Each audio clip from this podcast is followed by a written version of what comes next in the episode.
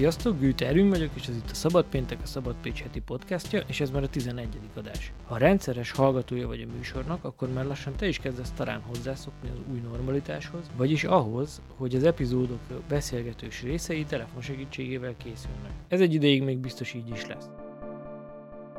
Ebben a részben Váci Gergelyel beszélgetek, akit nem különösebben rázott meg a társadalmunk alapjait fenyegető élesztő hiány. Pedig szokott kenyeret sütni, olyannyira, hogy építész végzettsége ellenére egy ideje gerillapékséget visz. Szóval több ez nála, mint valami hobbi.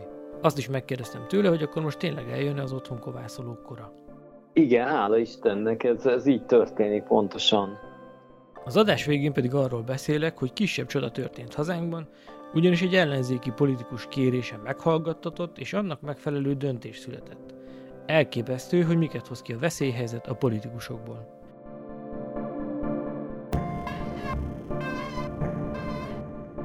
Liszt és olaj.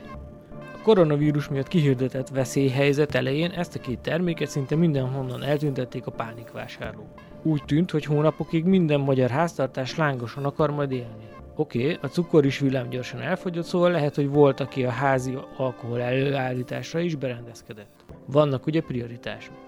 Nem minden országban ezeket a termékeket vásárolták fel nagy tételben, hanem mondjuk a sajtokat, halat vagy éppen bizonyos fajta tésztákat, esetleg a fegyvereket. Itt jönnek ki a nemzeti különbségek illetve az ellátólás gyenge szemei, mert a WC papír hiánya csak nehezen magyarázható azzal, hogy vannak népek, akik többet járnak a retyóra. Minden esetre az élesztő hiány azóta is csak kicsit enyhült a boltokban, de szerencsére nincs is szüksége rá mindenkinek. Például a kézműves és hobbipékeknek sem, hiszen ők általában eleve kovászt használnak. Ami igencsak trendi lett az elmúlt években hazánkban is, és persze Pécsen is vannak, akik komolyabb szintre vitték a dolgot. Az Orma gerilla pékséget Váci Gergely viszi, aki a veszélyhelyzet előtti időkben a Széchenyi téri Partizán Caféban rezidenskedett, és éppen egy saját üzletbeindítását tervezte. Erről is beszélgettünk. Téged mennyire visel meg ez a hatalmas élesztő hiány, ami így lassan romjaiba dönti a civilizációt? Igen, hát ugye engem egyáltalán nem visel meg, én most már évek óta kovászos, illetve egyéb természetes technikákkal sütök. Úgyhogy én élesztőt nem vettem a három éve boltba. És ennek mi az oka, hogy te nem, nem ezzel, tehát hogy te kovasszal foglalkozol? Hú, hát egy nagyon hosszú út volt ide kiukadni, de lényegében amikor az ember elkezd foglalkozni, egy kicsit odafigyel magára, és akkor a táplálkozására is elkezd odafigyelni, akkor így, így szembesül a, az élelmiszeripar turpisságaival, és akkor rövid úton el lehet jutni ahhoz, hogy egyébként mi lenne a normális, és hát így jutottam el a, a kovászos technikáig is annak idején. Mikre gondolsz? Bo- bocsánat, mire gondolsz így az élelmiszeripar turpisságai kapcsán? Tehát, hogy ezt egy kicsit kifejtenéd bővebben? Hát a, egyébként az üdvözülendő lenne, hogyha bármelyik térségbe bemegyek, és élesztős kenyeret lehetne kapni, de nem ez a szituáció, hanem, hanem tele van mindenféle adalékanyaggal. Azért nehéz lenne olyan pékterméket találni mondjuk Pécsen, ami, amiben nincsen szója lecitin például. De hát ezer egyet sorolhatnék még ide nem, nem, ez a, nem ez a szakterületem, de hogyha megnézel egy... Jó, és neked, nálad ez hogy működött? Tehát, hogy mi volt az, ami erre az egészre így ráébresztett, hogy ez, ennek kéne lenni az iránynak? Uh-huh. Um, hát először is kóstoltam egyszer kovászos kenyeret, és, és azért a, az az élmény, azt szerintem, aki, aki még nem levett, annak mindenképpen meghatározó tud lenni. Um, és akkor az így beékelődött. Ez, ez nagyon-nagyon sok évvel ezelőtt volt, egy barátom készítette egyébként, és, és aztán, amikor megismerkedtem a feleségemmel, akkor az ő társaságában már eléggé elterjedt volt, hogy ezt a technikát használták, és akkor, akkor én is megpróbáltam, és végül is így kezdődött. Ennek most azért van egy ilyen kisebb felfutása, vagy divatja Magyarországon, sokan kezdenek, de nem mindenki áll neki annak, hogy ezt így komolyabban is vegye, vagy legalábbis annyira komolyan, amennyire te. Elmondanád, hogy ez hogy alakult így? Miért alakult így? Hát igen, elkezdtük. E, egyébként szenzációs az az élmény is, amikor félig meddig meg kell egy kenyér, és, és azt arra tudott tenni a családnak. De hát nyilván, nyilvánvaló, most nagyon-nagyon sok információhoz jut az ember ott az internet, bekerültem egy tanulócsoportba, ezt úgy hívják, hogy kovászlabor. Ez egy nagyon élénk Facebookos közösség, minden problémát megosztanak egymással, és rengeteget lehet tanulni, és akkor ott azért látja az ember, hogy hogy is néz ki egy rendesen elkészített kenyér, és hát szépen lassan azt vettem észre, hogy amit a csoportban olvastam, hogy vannak őrültek, akik hajnali kettőkor felkelnek, hogy megformázzák a kenyeret, hát rövid úton észrevettem, hogy én is hajnali kettőkor kelek, és ott vagyok innen a konyhába. És aztán, aztán így alakult szépen lépésről lépésre, hogy egyre komolyabban kellene foglalkozni ezzel az ügyel.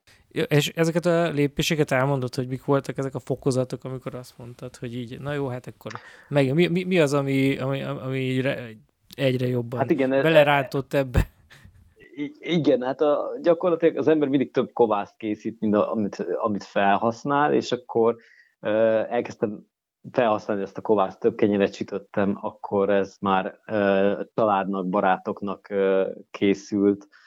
Um, egyre nagyobb volt az érdeklődés, uh, egyre, egyre uh, nehezebb volt ingyen odaadni, az emberek már fizetni akartak érte, és akkor jött egy lehetőség, szintén a Kovász Laboron keresztül, hogy a Claudio Perrandóhoz, aki egy német pék, aki Szentendrén, Szentendrén volt majdnem másfél évig, a Skanzenbe a pékséget vitte, hozzá el lehet menni tanulni, és akkor így nyeltem egy nagyot, és, és elmentem tanulni.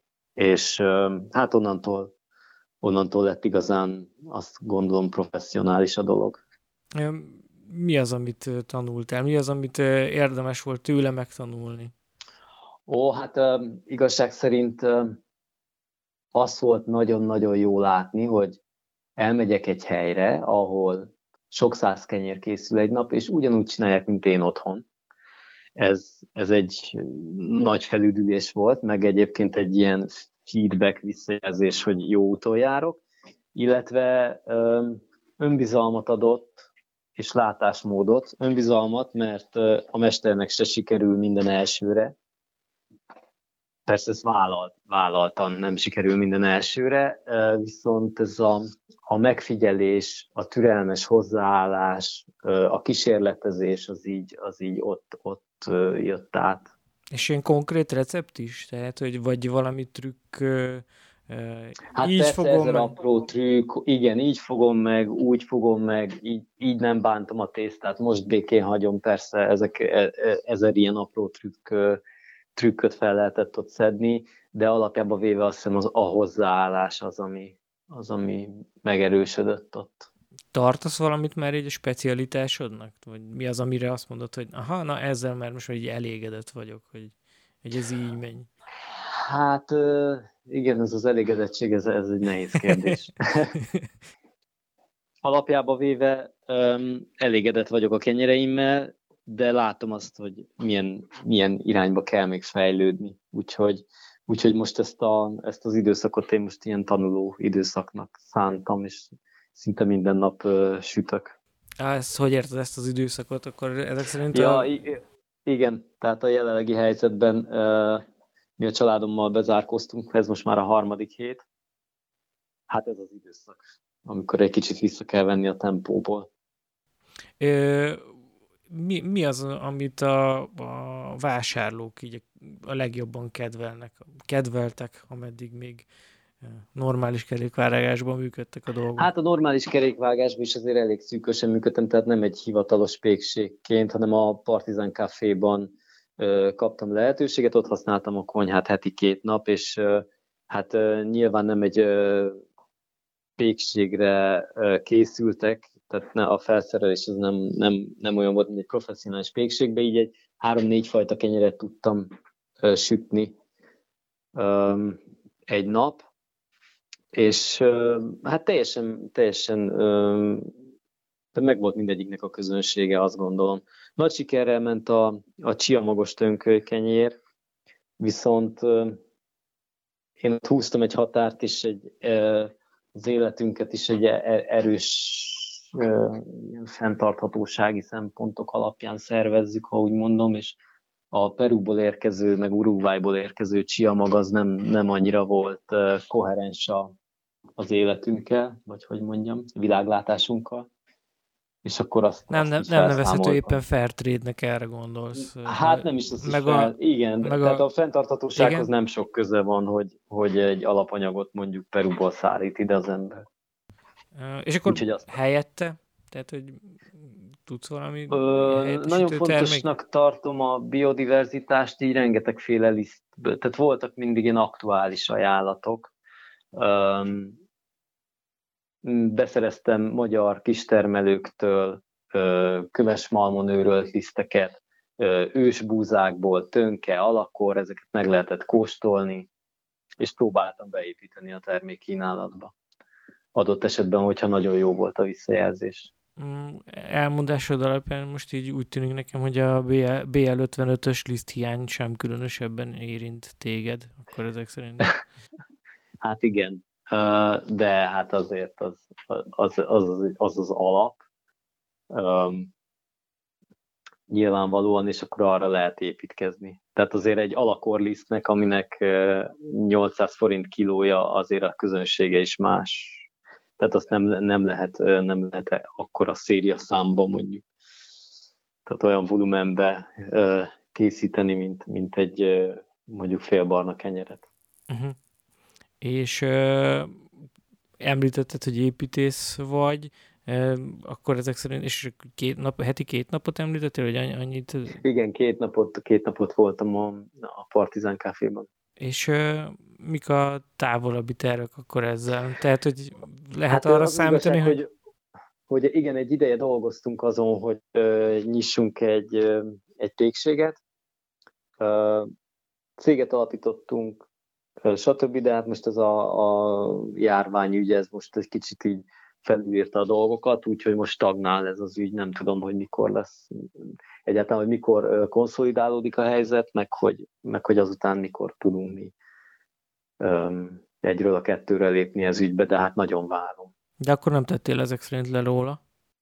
Nem, nem. Úgy gondolom, meg azt látom, hogy azért kenyére mindig szükség van. Ez, ez most is látszik, tehát hogyha nézzük a híreket, az élesztő és liszt hiány, ugye. Mit, mit gondolsz, hogy ez a helyzet így hozzájárulhat ahhoz, hogy sokkal többen kezdenek el otthon kovászolni? Tehát lehet ez egy ilyen lehetőség, vagy... Igen, hála Istennek, ez, ez így történik pontosan. Nagyon-nagyon sok, sokan kérdeznek, akik szépen ügyesen ráálltak az emberek, és ennek nagyon-nagyon örülök, hogy, hogy, hogy, hogy van ez, és, és most már van elegendő szakirodalom, elegendő online felület, ahol ezt meg lehet tanulni. És akkor hogyan álljon neki az ember? Tehát mikor, mikor így a, a 1.0-ás javaslatait, 1.0. hogy, hogy, hogy, hogyan hát, kezdjünk? Ugye a kovász az nem más, mint a laktobacillusok, a teljesabb baktériumok és a, a vadélesztő törzsek szimbiotikus kapcsolata, amik egyébként ott vannak a levegőben. Uh, tehát gyakorlatilag összekevered a vizet és a lisztet, és, és hagyod állni, hagyod, hogy ezek a megtelepedjenek rajta ezek a gombák és bacillusok, és elkezdjenek dolgozni.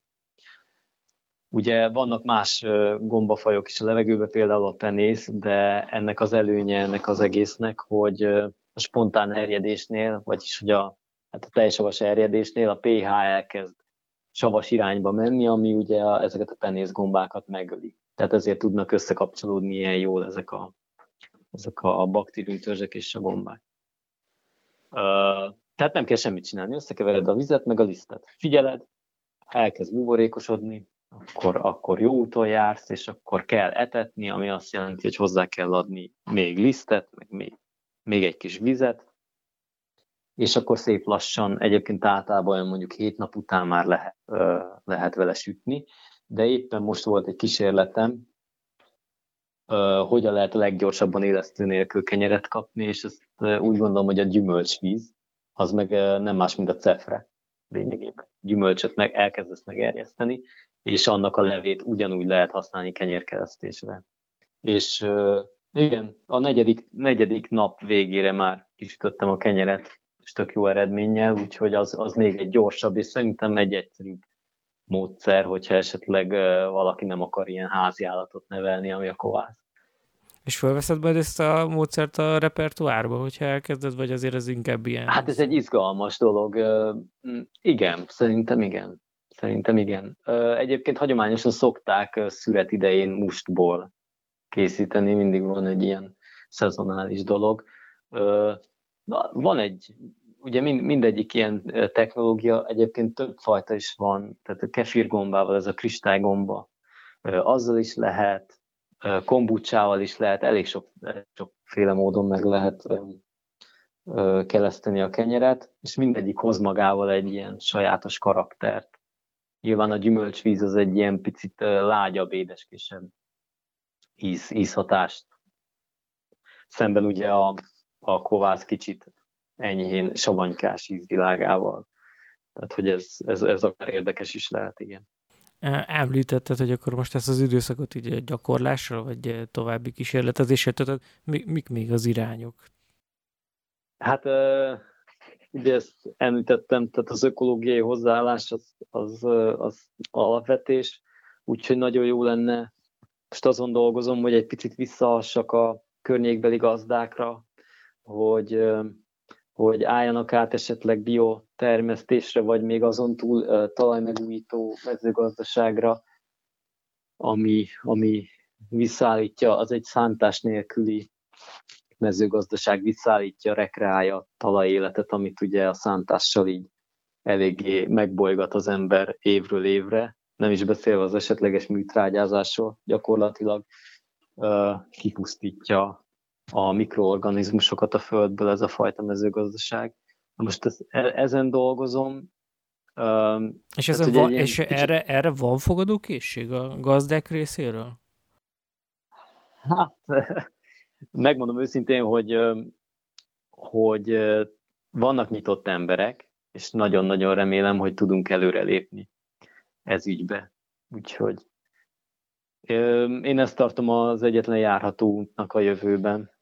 Tehát az alapjában véve próbálok ilyen holisztikusan gondolkodni, az egész ellátási láncot nézve, és, és az, az a, a mentén cselekedni. Tehát kicsit túl a pékségem a helyi, helyi termelőktől, illetve a helyi termelőket arra, arra ösztönözni, hogy igenis van az e fajta plusz vállalásnak haszna, és nem csak adott esetben anyagi haszon nyilvánvalóan. Uh-huh. Jó, köszönöm. Egyébként nagyon sokan eltártak ugye a házhoz szállításra, most már pékség is van, amelyik házhoz szállít. Te nem gondolkodtál rajta, hogy valakivel, vagy valahogyan társul esetleg ezt összehozni? Uh, hát igen. Az a helyzet, hogy most itthon, itthon vagyok, és itthon sütök, és körülbelül 8-10 családot így, így azért kiszolgálok, ilyen közelebbi ismerősöket. Azon túl meg ugye mondtam, hogy dolgozunk a pékségnyitásán, most még úgy érzem, hogy még, még mindig egy picit fejlődni szeretnék, mielőtt így a piacra dobom magam, vagy nem tudom, hogy fogalmazza. Úgyhogy most, most ez, e, e, a kapacitásom az, az ez a kb. 10 családban így kimerül. Jó. És akkor otthoni körülmények, tehát hogy otthon is tud sütőben sütsz ilyenkor, mert hogy gondolom máskor azért... Sütőben persze ezt a sütőt, tehát ez egy tök alap elektromos házi sütő, kibéleltem gránittal, ami azt jelenti, hogy ha jól felfűtöd, akkor egy ilyen kemence hatást, ilyen sugárzó hőhatást el tudsz érni, tehát végül is olyan, mint hogyha egy nagy ö, ipari etás kemencébe sütne az ember. Tehát az eredmény ugyanaz. De várjál, akkor, akkor ezek szerint azt már egy kicsit hekkelted ezt a sütőt, tehát hogy ez nem alapból volt, vagy alapból volt ilyen ja, grán... nem alapból, nem, na, ezt na, hekkeltem. Jó, okay. elmentem, uh-huh. elmentem a köves bácsihoz, és vágattam uh-huh. gránitlapokat szuper, vele olyan méretre, amilyen kell. Aha. Igen. Jó, hát akkor ez is egy tanulság, hogy otthon is megoldható ez a igen, igen, körül. otthon is egyébként minden további nélkül, akármiben, még római edényben is azért az szokott lenni a háztartások nagy többségében, hogy abba is meg lehet sütni. Vagy egyébként simán a, hat céllapon volt. Én bátorítok mindenkit, hogy jó, nem a, leg, nem, nem a reklám helye, meg nem fizetnek sajnos semmit, de hogy az Aldiba hmm. vásároltam egyébként ilyen pizzasütőlapokat, és én azzal oldottam meg ezt a kérdést. Voilà. Ilyen kö, pizzasütő köveket. És akkor, hogyha az igen, meg... pizzakő. Igen, ja, igen. az egy kerámia dolog, az ja. tök jó. Ja, ja, nagyon, nagyon, nagyon jól bevált nekem. És viszonylag azért elérhető áron. Persze, Azt persze, egy abszolút ilyen, ilyen teljesen. Egy 2000 Igen, igen, igen, igen, ilyesmi volt. Köszönöm szépen akkor a beszélgetést. Jó, köszönöm szépen.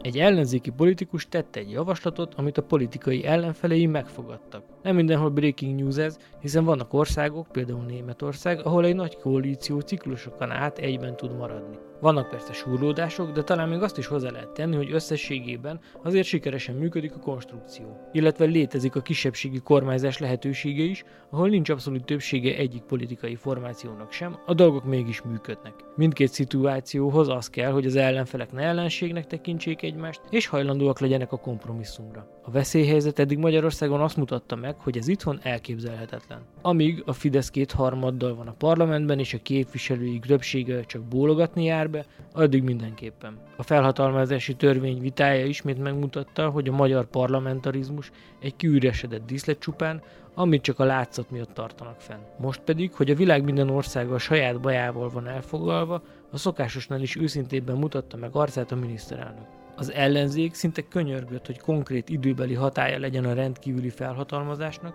amit szükség szerint meg lehet hosszabbítani, de nem. Pedig most kellett volna szerénynek lenni. Hát miniszterelnök úr, ez most megint nem sikerült. Kiváló lehetőség lett volna nemzeti egységet, nemzeti minimumot hirdetni. Ehelyett a szokásos ködösítés és befeketítés élvezett elsőbséget. A kormánypárti képviselők pedig ehhez adták a nevüket. Nem a demokráciára szavaztak. Ehhez képest Hoppál Péter, kormánypárti országgyűlési képviselő még ugyanezen a gyalázatos napon nyílt levélben kérést intézett Pécs polgármesteréhez annak a városnak a vezetőjéhez, ahol ellenzékben van a Fidesz. Azt kérte, egyébként az operatív törzs ajánlásával összhangban, hogy az egészségügyi dolgozók a helyi tömegközlekedést is ingyenesen vehessék igénybe. A polgármester a javaslatot megköszönte és elfogadta. És ennyi. Ugye milyen unalmas? Sehol egy konfliktus vagy csattanó. Bárcsak mindig ilyen unalmas lenne a magyar politika. Ez volt a Szabad Péntek 11. adása, ha egy kicsit is tetszett, akkor adj nekünk egy következő esélyt és iratkozz fel a csatornánkra. Ha valamilyen észrevételed van a podcasttal kapcsolatban, akkor ír nekünk e-mailt a szabadpécs.hu címre. Ha pedig támogatni szeretnél bennünket, akkor ezzel kapcsolatban minden információt megtalálsz a szabadpécs.hu per támogatás oldalon. És nézd meg a linkeket az adás leírásában. Köszönjük!